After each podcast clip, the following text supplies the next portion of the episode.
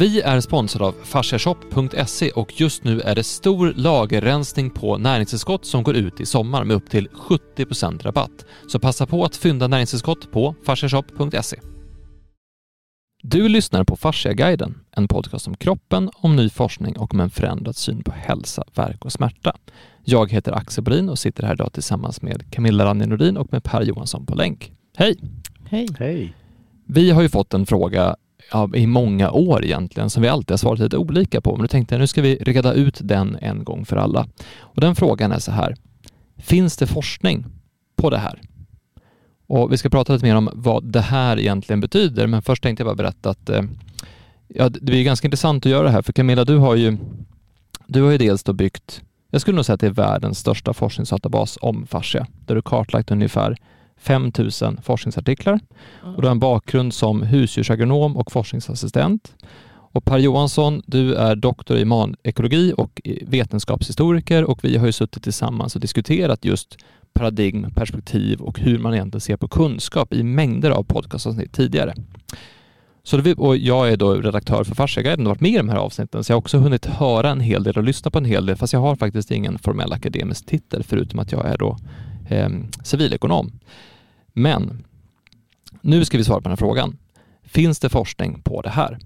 Och först och främst måste man prata om vad är det här de menar. De flesta som säger det menar då någon form av behandling eller fasciabehandling, någon form av maskinell behandling. Men det är även frågor om, finns det forskning på fascia? Vad fascia är för någonting? Finns fascia ens? Det var någon som sa, vi satt i några möten en gång, så var det någon som undrade om vi nästan hade hittat på det här med fascia. För det var så otroligt eh, eh, stort och annorlunda. Men hur ser, hur ser forskning ut på, på fysisk behandling överhuvudtaget? Alltså på fysisk påverkan på kroppen? Att jag till exempel masserar dig eller att jag gör en osteopatisk metod eller gör en tryckavlastning eller någonting sånt där. Då mäter man ju inte exakt hur trycket ser ut heller. Alltså om jag har en, en hand som, som eh, håller på din hud så mäter vi inte med vilken, vilket tryck jag gör det när jag ska behandla dig, eller? Nej. Nej, nej, nej alltså det finns väl inte så mycket forskning på, på just sån alternativ behandling. Men just om man tänker fascia så eh, Steck och, och, och TIS och, och ja, Ing, vad heter han? Donald Ingberg. De, de, har ju kommit med förklaringar på vad det är som kan hända. Alltså så, så man, får, ja, i alla fall tänker jag så. Ja, det, Just det, det, det är ju det som kanske händer. En del av förklaringen till varför det har effekt. För att det har ju faktiskt effekt. Det är den som blir behandlad som känner effekten. Och, och mår, mår man då bättre så har det ju effekt. Sen om den blir hållbar eller inte, det, det beror väl också på vad hur behandlingen utförs och vad man har för problem och vilken situation. Ja, och forskningen individen. kan ju också inriktas på olika saker i sammanhanget. Ja. Jag menar, den kan inriktas på effekten av en behandling. Ja. Och sen den kan också inriktas ja. på att för, förklara varför en om man säger att man konstaterar nu då rent empiriskt att det är så så många fall, tillräckligt många fall för att det ska vara signifikant, konstaterar att en viss, den här behandlingen fungerar mot en viss typ av åkomma. Man, har, man har en hypotes med andra ord om att den här behandlingen tycks ha en, en påtaglig effekt på, mm. Eh, på de här, den här typen av åkomma. Eh, då eh, finns det en annan forskningsfråga som uppstår, nämligen hur kan den ha det? Hur fungerar det? Och det är en helt annan typ av forskningsfråga. Och den drar in en massa olika naturvetenskapliga di discipliner, inte, inte minst. Oavsett om du alltså vill studera huruvida det har en uh, verklig effekt eller om du vill studera hur det fungerar så får du dras med, med, de, med de här variablerna. Och vi får inte glömma att eh, när det gäller det här, fasciaforskning generellt, fasciabehandling, så är det ett, ett eh, nytt, färskt forskningsområde. Man kan inte förvänta sig att det finns alla möjliga fasta etablerade metoder för att komma fram till svar på allt man skulle vilja ha svar på. man får hålla på och pröva sig fram här. Beror Men alltså, detta, detta sagt lite grann i för, förespeglande mot annat som vi kan behöva säga längre fram. Nej, men jag skulle bara säga att det, just det, att det beror på individen. Att, att det beror ju på, men det är skillnad på en frozen shoulder hos mig och en frozen, frozen shoulder hos dig. Eller någon annan. Alltså den, hur länge har den suttit? Vad beror den på? Hur, hur, hur pass djupt har det satt sig? så att säga? Det, det är klart att det, det blir jätteolika resultat med ja, behandling. det är en forskningsfråga i sig huruvida eh, det som klassificeras som frozen shoulder rent ja, symptomatiskt mm. har samma orsaker hos mm. alla som uppvisar de symptomen. Det vet, mm. det vet man ju inte heller Nej. egentligen. Och det här blir extra rörigt att undersöka saker, för vi gjorde faktiskt en sån studie. Vi gjorde en, en mm, pilotstudie på frozen shoulder och då valde vi ju då och tittade på, vi fick den godkänd av etiska nämnden och vi tittade på hur en sån studie ska göras, vilka inklusionskriterier som ska göras. Vi valde ut en, en randomiserad grupp genom att se, vi hade ingen aning om vilka de var som kom. Och det där är också en utmaning, men det gjorde vi i alla fall så att, att jag, och en, jag tillsammans med en läkare som Håkan Borg, vi eh, tog emot patienterna. Vi intervjuade dem, vi undersökte deras hälsostatus, vi kollade hur de hur de sov, hur länge de hade haft ont, hur de hade fått problemet och så vidare och skrev en ordentlig journal. Och sen Camilla så gick du och Hans in och behandlade de här och följde då ett, ett behandlingsprotokoll. Att exakt så här gör vi först och sen gör vi så och sen gör vi så och sen gör vi så och sen gör vi så och sen gör vi så. Och då ska man också veta att så gör man oftast inte en behandling. Man går sällan efter ett strikt protokoll därför att behandlingen måste anpassas efter den som är på behandling. För att när man anpassar behandlingen efter den som är på behandling och efter de resultat som uppstår när man gör det, då blir behandlingen bättre. Det är i alla fall erfarenheten vi har efter ungefär ja, ska vi säga 100-200 000 behandlingar som vi har samlat in data ifrån. Och det gjorde vi alltså inte i det här fallet. Och Nej, för man får, för man inte, får inte göra det. Nej. Och vi, det var tveksamt om vi ens fick tillsätta vatten, att de fick dricka vatten innan. För att då skulle vattnet kunna vara det som gjorde att de blev friska och inte behandlingen. Och dessutom så hade vi då en, en begränsad tidsram, så vi hade en behandling efter en vecka och sen en behandling då efter, så först har behandlingen, sen sju dagar senare behandling nummer två och sen 30 dagar senare behandling nummer tre. Och Det är också en, en, fråga om, är det det bästa sättet att behandla på? Det kanske är bättre att behandla varje vecka, var tredje dag, var fjärde dag. Det vet man ju inte när man, när man är i, i det läget och testar en sån här sak. Men trots det så fick vi alltså en, en 80-procentig 80 procent av de som var med fick en, en förbättring, en rörelseförbättring på 45 mm. grader eller mer. Jo, för sen ska man mäta det. Och hur mäter man det? Och vi lyckades komma på att man kan ju faktiskt mäta vinkeln, alltså hur mycket man kan lyfta sin arm. Så hur många graders vinkelförändring är här, om de sträcker på armen så mycket de kan eller inte. Och då kunde vi se då att 80% fick en 45, 45 graders förbättring efter tre behandlingar, eller färre. Eh, och ungefär 40% blev helt bra. Och jag tror det var 60-63 procent som fick en förbättring på 80 grader eller mer. Och sånt där. Så att det var en det var en ännu intressant resultat.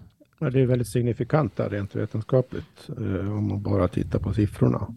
Och oavsett om man, rörlighet. Om man låter bli att diskutera alla möjliga kringfrågor i sammanhanget, man bara tittar på siffrorna och jämför med vilken studie som helst, så är det väldigt signifikant mm. siffror. Men det, och, oavsett ja. rörligheten så fick ju allra, de allra flesta, nästan allihopa, mindre ont och sov bättre. Ja men precis, så, och det är också en, en det effekt. är ju liksom en, en, positiv. Och den här studien publicerades då och sen så presenterades den på Fascia Research Congress 2022. Mm. Och, och studien blev klar 2019 mm. och det var en läkare som låg bakom den. Och det här är en pilotstudie så den är ganska liten. Det är 23 patienter. Det är verkligen en, en liten studie och förutsättningarna eh, för, förutsättningarna för resultaten var väl kanske inte de absolut bästa heller eftersom att ja men just att vi kunde inte laborera med eh, olika tid till exempel. Vi kunde inte, det, det var eh, budgeten för projektet var ganska begränsad om man säger så.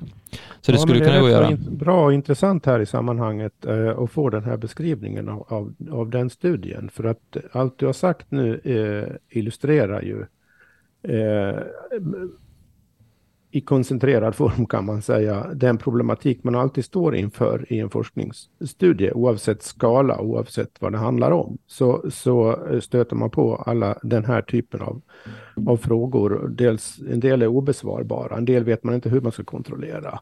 Man försöker kontrollera så mycket som möjligt, alltså ha kontroll över så många variabler som möjligt, eh, standardisera så mycket som möjligt och så vidare.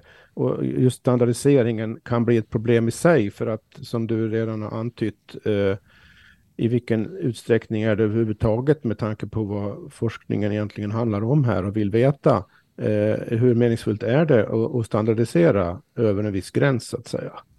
Eh, så det, det, egentligen, vad, vad, är det man får, får, veta här? Och vi behöver inte gå in på eh, vare sig positiv eller negativ, negativ kritik av just den studien, utan vad, vad, vad, är det, vad är det man behöver ha klart för sig här utifrån vad vi hittills har sagt bara? Det är ju att forskning är svårt.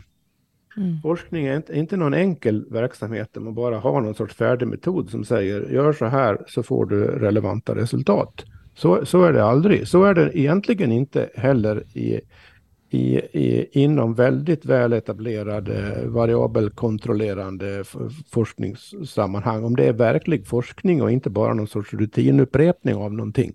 Så om det är verklig forskning som vill ha svar man inte har, då, då, eh, även i sådana väldigt strikta och välfungerande, väletablerade eh, sammanhang eh, så eh, stöter man på en massa eh, krångliga, krångliga frågor. Och det, det, det är ju det, all vetenskaplig diskussion i sig handlar ju om just det. Så att eh, det, det, gäller här som allmänhet, så att säga, som lekman, när man eh, ställer sådana här frågor och frågar, frågar om olika saker om forskning och finns det forskning och så vidare så behöver man ha sådana här saker lite mer klart för sig. För annars vet man inte vad man egentligen vad man frågar om. Och man vet inte vad man får för svar heller.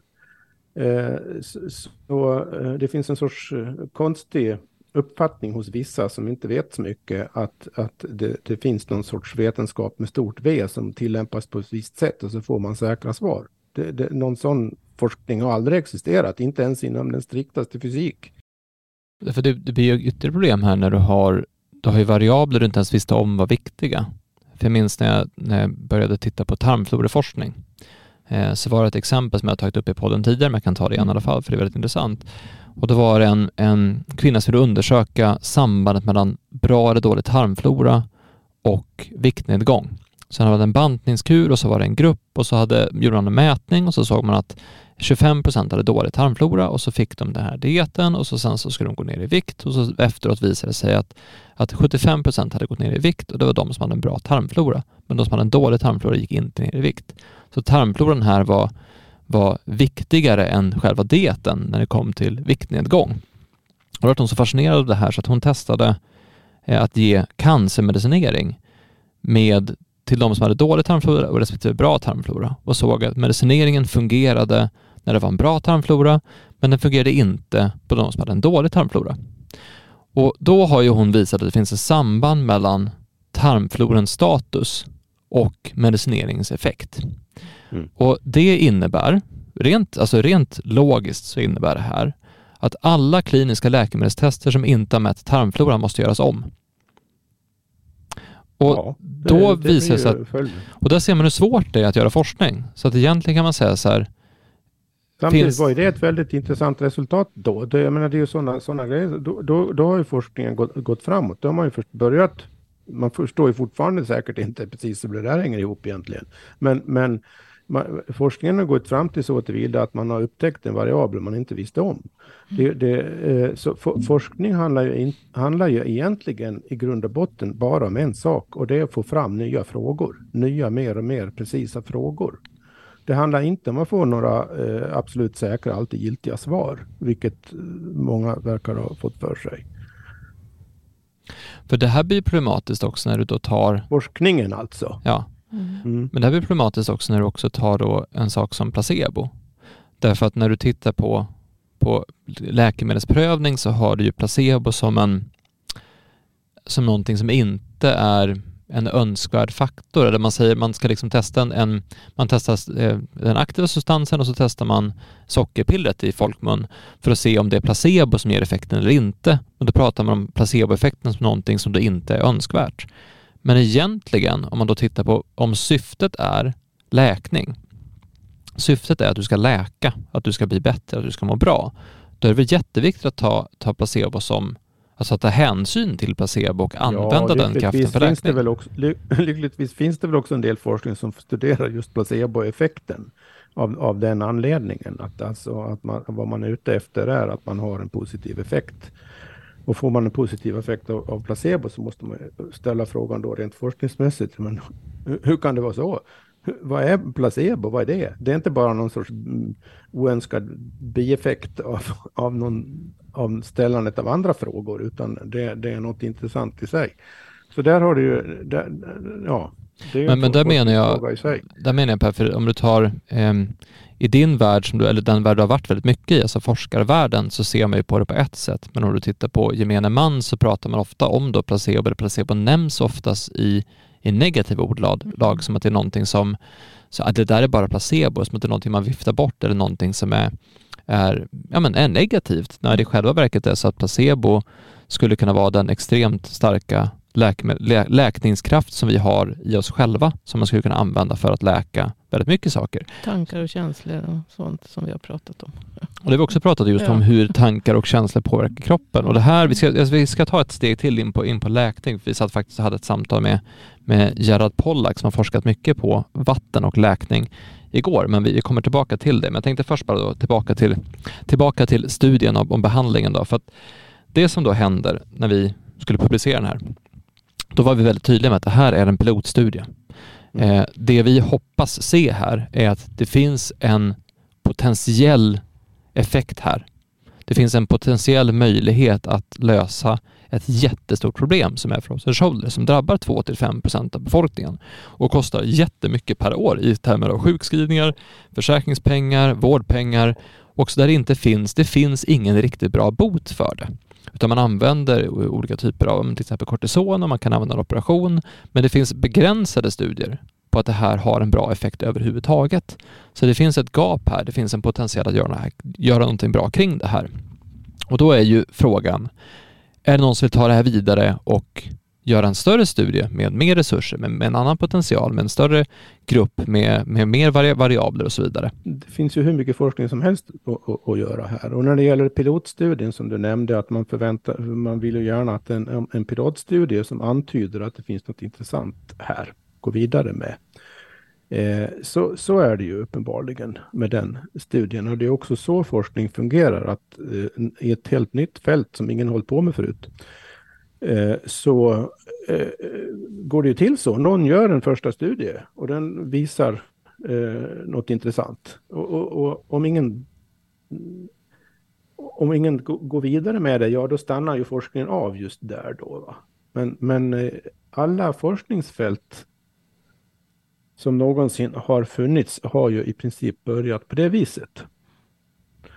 Det är så forskning fungerar. Så, så att det kanske är någonting som kan vara, vid det här laget kan vi konstatera att det finns två sätt att prata om forskning. Det ena, det ena är ett, så att säga, ett sätt att prata som tar hänsyn, som vet lite grann om hur det går till och tar hänsyn till när man ställer frågor och kräver svar. Tar hänsyn till hur det här med forskning fungerar egentligen på riktigt. Det är det ena sättet att, att, att se på det hela. Det andra sättet är, har att göra med eh, vad man skulle kunna kalla den o, eh, i, i, sammanhanget okunniga allmänhetens förväntningar på forskning och föreställningar om vad forskning är. Och då, då har man en helt annan, a, annan sits. För att de är ju som regel eh, inte bara okunniga utan också ofta fullständigt vi är sponsrade av Fasciaklinikerna och Fasciaklinikerna vill informera om att nya priser på behandling gäller från och med 1 mars. Om du bokar din behandling innan 1 mars så bokar du till nuvarande pris. Även om själva behandlingen äger rum i april, maj, juni och så vidare, så passa på att boka din behandling redan nu. Samtidigt som priserna ändras lanseras ett medlemskap där du som medlem får 350 kronor rabatt på varje behandling 10% rabatt på alla näringstillskott och digitala kurser i hur du förstår och tar hand om din levande kropp. Och allt detta får du för 89 kronor i månaden. Medlemskapet har ingen bindningstid och du kan avsluta det när du vill. Läs mer och bli medlem på fasciaklinikerna.se medlem. Realistiska och mera en fråga om att man vill ha någonting och så att säga till synes fast och tro på snarare än att man verkligen vill förstå någonting. Men om vi då svänger in på det här med att man verkligen vill förstå någonting, för det känns som att det är där vi, vi bör gå till nu. För då kan vi egentligen berätta lite grann om hur vi har gått tillväga. För vi är också intresserade av att förstå hur saker fungerar. Eh, av flera anledningar. Dels för att vi är intresserade, alltså hur fungerar kroppen? Men också för att se hur utvecklar vi en maskin som har en så intressant och bra effekt på kroppen som möjligt. Men även hur lär vi oss om hur man applicerar det här? Hur behandlar man? Hur ska man tänka kring eh, tid, tryck eh, och andra faktorer? Och sen även, vad är det mer som spelar roll här? Är det, behöver man tillföra olika typer av näringsämnen och så vidare? Så det finns ju en anledning här till att, till att verkligen försöka förstå de här olika sakerna och det här är ju också bakgrunden till hela den här forskningsdatabasen som vi har byggt upp under alla dessa år, framför allt sedan 2019, men även då innan. Och jag skulle vilja säga att det handlar om, vår approach i alla fall, har handlat om tre, kanske fyra olika ämnen. Det ena är att förstå vad fascia är och hur fascia fungerar och hur fascia blir annorlunda. Alltså hur, dels den biten som handlar om hur olika delar av kroppen sitter ihop, som började med Tom Meyers fascialinjer men som sen har blivit mycket, mycket mer. Att man tittar på hur, hur sitter foten ihop med huvudet? Hur sitter axeln ihop med höften? Hur sitter bäckenet ihop med ryggen? Hur, hur påverkas olika strukturer av varandra rent fysiskt? För det kan ju avgöra hur man till exempel förändrar en kropp. Så därför såg vi att när vi skulle behandla frozen shoulder då, så tittade vi på att dels behandla nacken, dels behandla armen, dels behandla handled och händer, men även behandla eh, höften bäcken, och bäcken. ryggen. Mm. Eh, och även under fötterna nu för tiden för att se hur, hur får man till en kropp så pass bra som möjligt. Ja, sen lägger vi också till den individuella variationen, men den kan vi komma till sen. Så det är den ena biten, men sen den andra biten är hur, hur stimuleras läkning i fascian? Hur stimuleras fascians flöde? Vad får, vad får effekt i, vad händer om man får ett ökat flöde på en del? Vad händer om man avlastar tryck på en del? Vad händer om hur, hur, hur reagerar olika komponenter i den här strukturen? Vi har till exempel pratat om hyaluronsyran och olika former på den molekylen. Vi har pratat om, om tvärbindningar av kollagen och hur de kan lösas upp. Vi har pratat om hur brosk kan bildas på ett annat sätt med vid en viss typ av belastning och viss typ av stimulans. Så då, då är det mer en förståelse av hur, hur bygger kroppen upp och bygger om sig själv hela tiden? Det är ett spår, alltså mm. fasciaspåret. Mm. Den andra är mer, vad, vad, har, vad finns det för forskning på hur olika eh, mekaniska pulsering, olika vibrationer påverkar kroppen? Alltså vad händer om man använder en oscillerande rörelse, en oscillerande rörelse så att du vickar någonting fram och tillbaka. Vad händer i kroppen om du tillför en vibration på 4 hertz? Vad händer i kroppen om du eh, ja, men som, det fanns en studie som Stecco publicerade våren 22 tror jag det var, som handlade just om hur hyaluronsyran påverkas av ett, eh, en, en stretchning på, vad var det, 2 hertz tror jag det var. Ja, det var, det var ju en, en behandling med en modifierad stötvåg. Så att det var ju nästan som, som den här maskinen. Men då, då såg de, det här var ju mer på detaljnivå. Vad händer när man satte till och de här det vart ju väldigt mjuka vibrationer eller mjuka slag utav någonting som egentligen var lite hår, skulle vara lite hårdare. Men då ville de minska eh, effekten på stötarna då. Kraften i stötarna för att inte skada vävnaden.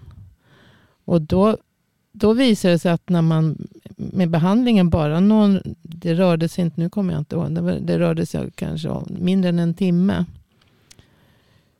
så började det poppa ut små blåsor ur cellerna.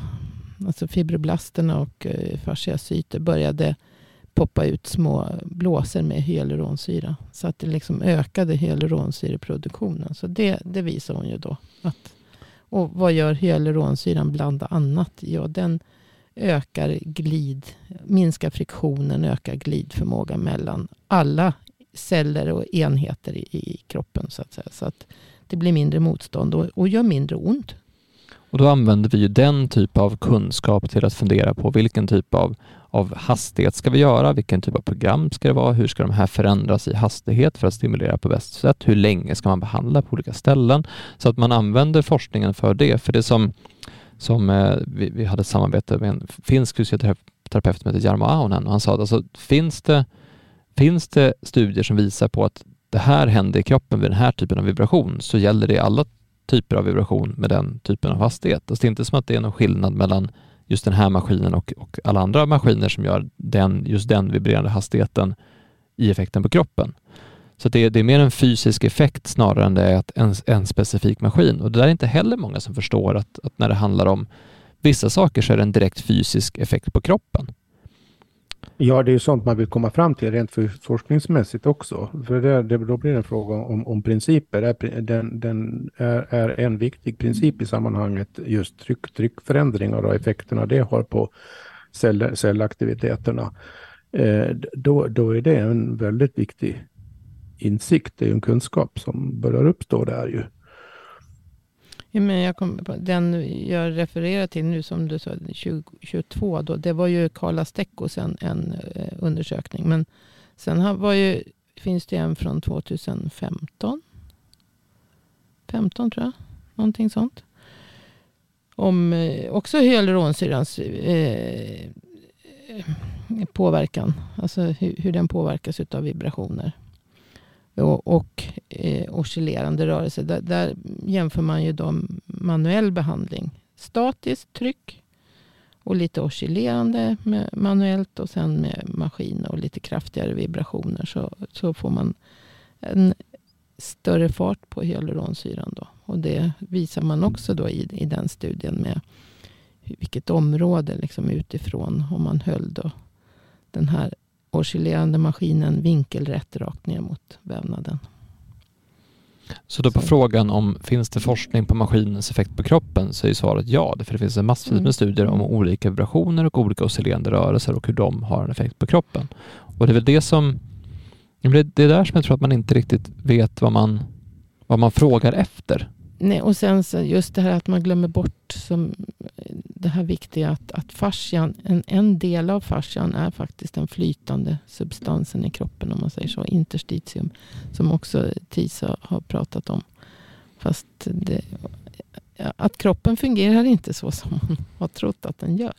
Och det, det för mig till den, den sista kategorin som jag tycker är mest intressant i det här sammanhanget och framförallt för oss när vi utvecklar behandlingsmetodik och när vi utvecklar maskiner och när vi utvecklar koncept och när vi överhuvudtaget när vi försöker ta det som vi varit med om de senaste 13 åren och göra någonting utav det.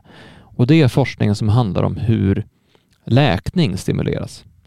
För det var det som vi eh, tittade mycket på när vi lade grunden till det här dokumentet, Farsor den levande kroppen, där vi satt och tittade mm. på eh, allt ifrån hur man ser saker som delar eller helhet eller inre eller yttre och vi landade någonstans i att, att den det liv du lever påverkar ditt flöde och din struktur. Alltså du blir vad du äter, du blir vad du gör, du blir hur du rör dig, du blir eh, eh vad du tänker och känner, du blir den miljö du är i. Alltså de här effekterna om hur, vad blir en kropp? Alltså inte vad är en kropp, utan vad blir en kropp? Vad är det som formar kroppen?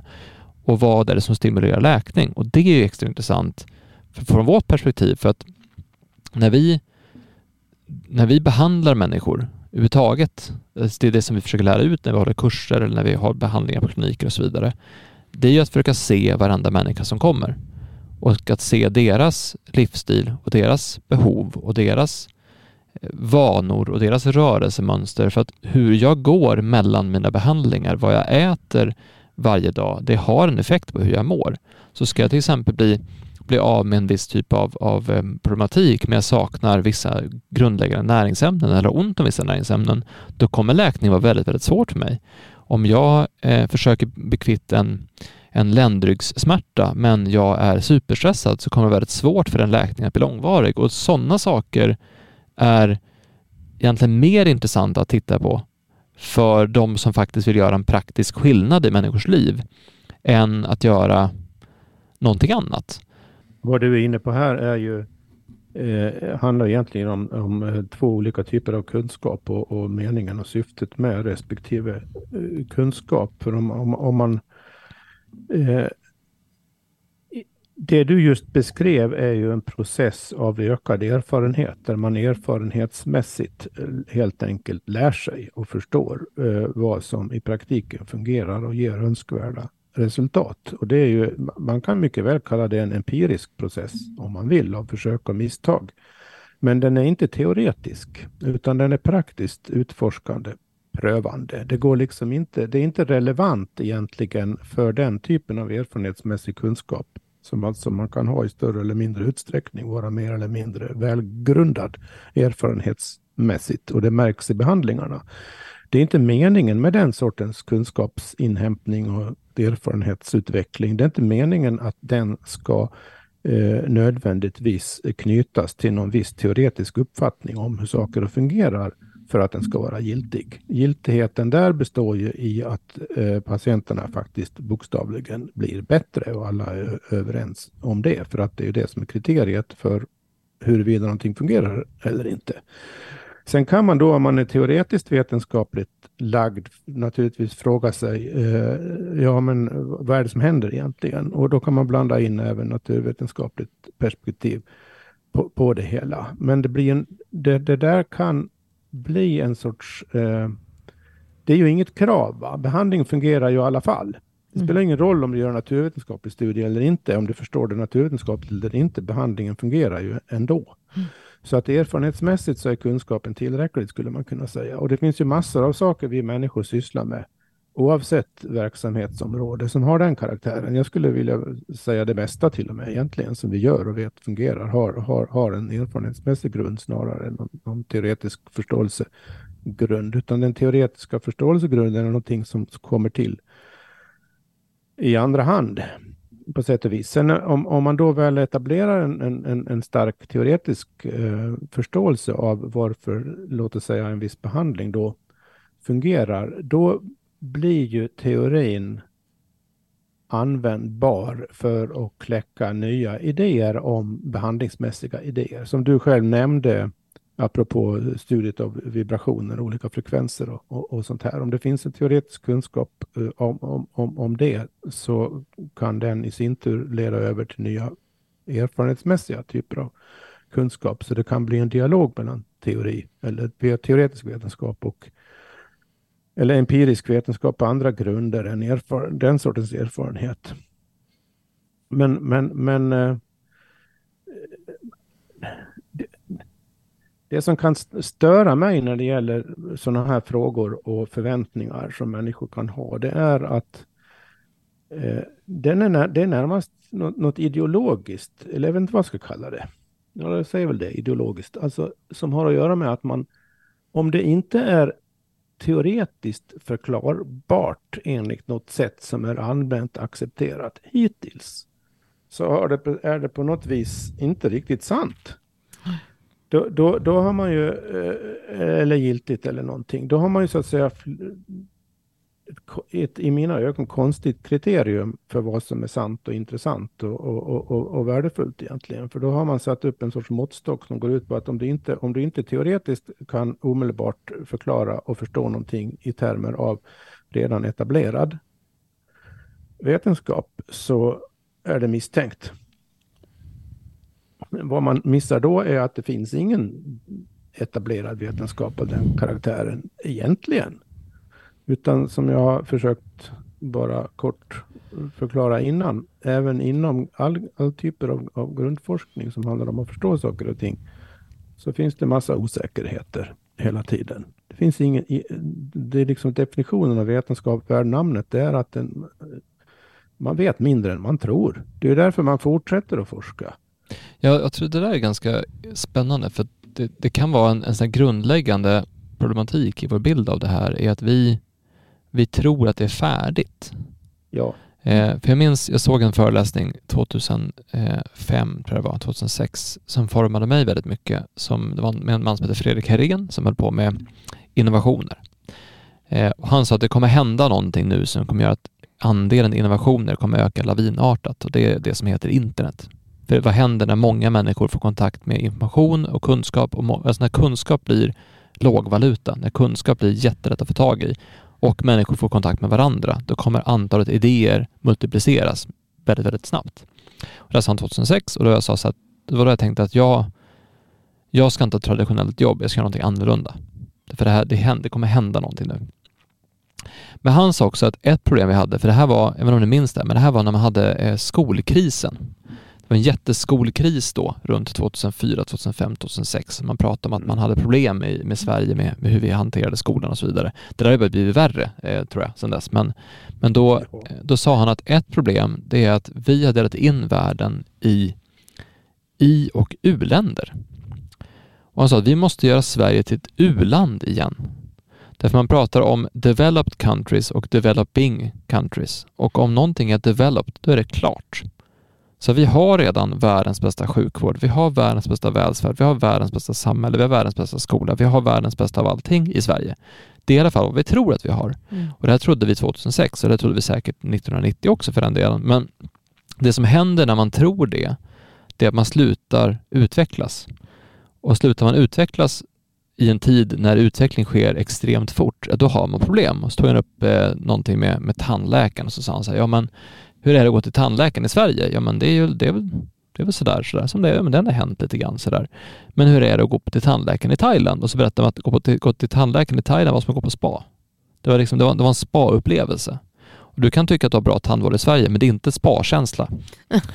och, och då pratar man om vikten av att, att man måste förstå att det hela tiden kan bli annorlunda, det kan bli någonting annat. Och så där är det ju med, med, forskning också. Det har väl förhoppningsvis framgått vid det här laget i vårt samtal att det är väldigt många olika sorters frågor uh, uh, man kan få svar på forskningsmässigt. Uh, det är bara det att den forskning som behövs för att svara på en viss typ av fråga är en annan sorts forskning än den som behövs för att svara på en annan sorts fråga. Och, och verklig forskning är ju någonting som hela tiden äger rum i dialog med mellan frågan och vad frågan gäller. Så att om det, om det gäller att till exempel få no, bota frozen shoulder, då är det ju en, då är det en dialog mellan forskningsfrågorna och allt, allt som kan vara relevant i, i, i det sammanhanget. Är, är, är frågan, har, har eh, den här sortens behandling en effekt på en viss fastställd eh, egenskap hos en häst eller förmåga hos en häst? Ja då blir det en annan typ av, av eh, procedur. Så att eh, alltihopa är mycket mer rörligt eh, och, och, anpassligt så att säga. En, en, det finns inga, det finns principer, och man eftersträvar alltid en principiell förståelse av saker och ting. Det är det vad grundläggande forskning handlar om, alltid, alltid princip in, in, inriktad. Men rent empiriskt konkret i förhållande till olika saker så är det, är det Ja, egentligen är det ju ganska rörigt. Och det, det är därför man, behöv, man behöver hela tiden ställa om frågorna på olika sätt. För att så småningom så att säga zooma in kring de frågor som verkligen leder vidare till nya upptäckter. Ja, vad säger du Camilla? Jag vet inte om jag har så mycket mer. Det, det, är, det är svårt. Men, eh, och, det här med vibration. Ja, roligt. Vibration. Det får man inte glömma bort. Det är nej. roligt och intressant det här. Det är och det, jättespännande. Det, ja, men det känns ju som att det viktiga är ju att, att det fungerar. Det viktiga ja, är väl att såklart. hästen mår bra och, att, och blir bättre och rörligare. Och att människan mår bättre och blir rörligare. Jo, det var därför jag sa det innan, apropå erfarenhetsmässig kunskap här. Om den erfarenhetsmässiga kunskapen resulterar i att människor och hästar bokstavligen, faktiskt, verkligen enligt eget vittnesmål, mår Sen, bättre, mm. ja då vet man ju mycket egentligen. Ja. Sen är det praktiskt. intressant att veta vad det är som händer. Sen, men, men, men som sagt, det är inte naturvetenskapligt viktigt. sett, forskningsmässigt, i förhållande till fascia, hur fungerar det? Hur sjutton är det där med hyaluronsyran och olika tryck och vibrationer hit och dit och olika delar av uh, kroppen och uh, man kan bara en oändlig lista nästan på variabler. Det är en annan typ av fråga som, som jag sa, kan bli väldigt värdefull i förhållande till uh, användbar erfarenhetsmässigt också, men det är en annan sorts frågor, en annan sorts process. Det går, man kan liksom inte koppla ihop dem eller förväxla dem med varann. Mm. Utan vad, vad, som, vad som hela tiden behövs och som eh, verksamheten eh, hos er eh, visar prov på, det är ju att, att eh, vad som behövs och fungerar är en dialog mellan den ena sortens forskning och den andra sortens forskning, alltså erfarenhetsmässiga utvecklingen. Men rent lo logiskt, som... rent logiskt så är det inte så konstigt att vibrationer har en positiv effekt med tanke på att eh, rörelse är positivt. Och när vi rör oss så blir det vibrationer och elektriska laddningar i kroppen. Alltså vi har ja, ju, hela tiden. Ja. Precis. Så att det, det är ju Så där, där har du ju en princip då, ja. vibrationer och förståelsen av vibrationer som ja. är omedelbart både teoretiskt och praktiskt relevant och användbar. Men den är teoretiskt relevant på ett sätt och praktiskt relevant på ett det, annat det är ju, sätt. Det är ju rörelse som driver kroppens läkförmåga och utveckling överhuvudtaget. Om vi inte rör oss så får ju inte kroppen några signaler om hur vad som behövs. Och då behövs ingenting helt enkelt om vi inte rör oss. Och då kan vi... Nej, och framförallt behövs det ingen teori för att det ska vara så. Nej. Så då, då kan man väl säga så här att då blir, då blir frågan så eh, finns det forskning? Eh, ja. Och då blir det som, ja, på, på maskinen, ja men det finns studier som, det finns studier gjorda som visar att maskinen har en effekt på kroppen. Det finns en, en test på sex stycken hästar som visar att maskinen faktiskt har en, en effekt på kroppen, att den får muskler att slappna av. Så. Sen finns det väldigt många studier på att vibrationer på samma sätt som den här maskinen använder har väldigt många effekter på kroppen. Allt ifrån att stimulera vätskeflödet till att leda till avslappning, till att påverka kollagentrådar, till att påverka eh, läkförmåga. läkförmåga, laddningen i mm. kroppen, mm vattnet och vattnets konsistenser, hur vattnet är format, eh, hyaluronsyremolekyler, så massa olika saker som vibrationer har för typ av effekt på kroppen. Jaha.